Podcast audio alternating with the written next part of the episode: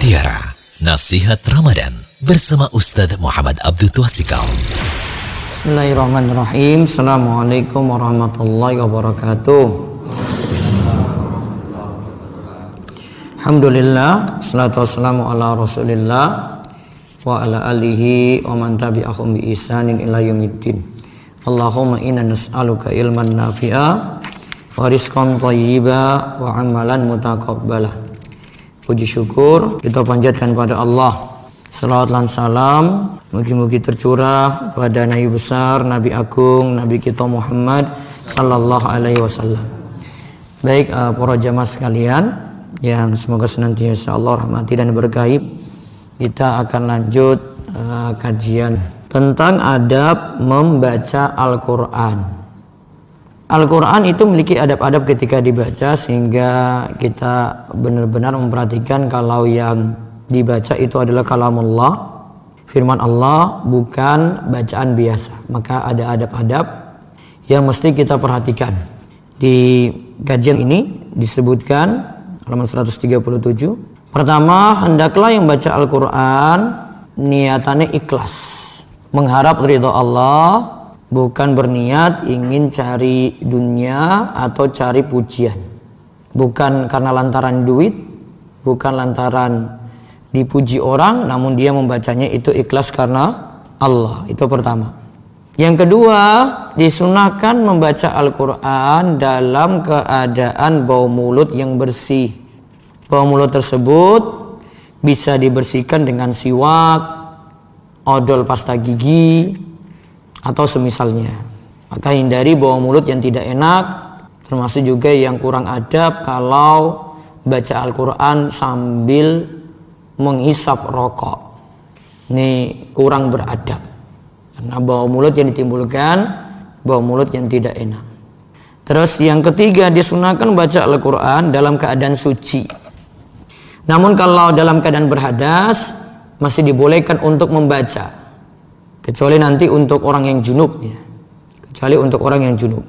Nah ini berkaitan dengan masalah membaca tapi untuk menyentuh kalau menyentuh mushaf Al-Quran ini seandainya ini mushaf ya menyentuh mushaf Al-Quran itu mesti dengan syarat wudhu dari Abu Bakar bin Muhammad bin Ammar bin Hazm dari ayahnya dari kakeknya sesungguhnya Rasulullah Shallallahu Alaihi Wasallam pernah menulis surat untuk penduduk Yaman yang isinya la yamussul Quran illa tahirun.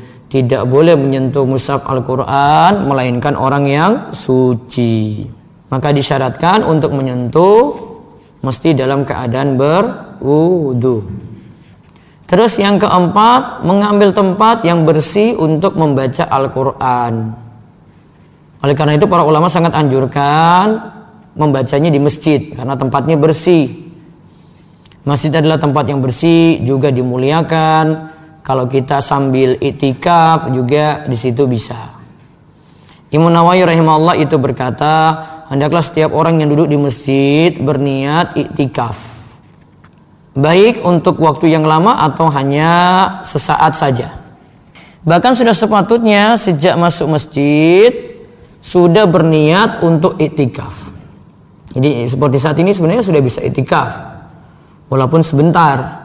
Adab seperti ini sudah sepatutnya diperhatikan dan disebarkan apalagi pada anak-anak dan orang awam yang belum paham. Kata Imam Nawawi karena mengamalkan seperti itu sudah semakin langka. Orang sudah uh, jarang untuk mau itikaf di masjid. Terus yang kelima adab lagi adalah menghadap kiblat. Menghadap kiblat saat membaca Al-Quran. Sunnah hukumnya lalu duduk ketika itu dalam keadaan sakinah, tenang, konsentrasi ketika itu. Kemudian yang keenam, memulai membaca Al-Qur'an dengan membaca ta'awudz yaitu a'udzubillahi minasyaitonirrajim. Membaca ta'awudz ini dihukumi sunnah bukan wajib. Dalilnya fa idza qara'tal Qur'an fasta'iz billahi minasyaitonirrajim. An-Nahl ayat 98 apabila kamu membaca Al-Quran, hendaklah kamu minta perlindungan kepada Allah dari setan yang terkutuk. Kemudian yang ketujuh, membaca Bismillahirrahmanirrahim di setiap awal surat. selain surat Baroah. Itu selain surat At-Taubah. Adapun kalau kita memulai pertengahan surat itu cukup dengan membaca ta'awudz yaitu a'udzubillahi minasyaitonirrajim. Nah, ini tujuh adab dulu dari adab-adab membaca Al-Qur'an. Tadi niatannya ikhlas, bersihkan bau mulut dalam keadaan suci apalagi menyentuhnya tempat yang digunakan untuk baca Al-Quran tempatnya bersih kemudian menghadap kiblat saat membaca Al-Quran lalu membaca ta'awudz serta memulainya dengan membaca Bismillahirrahmanirrahim nah ada pada yang lainnya Insya Allah kita bahas besok Baik, demikian yang kita bahas untuk kesempatan ini. Mugi-mugi bawa manfaat. Kita tutup kalian doa kafaratul majlis. Subhanakallahumma bihamdika asyhadu alla ilaha illa anta astaghfiruka wa atubu ilaik. Mugi-mugi Allah mengampuni dosa-dosa kita sekalian.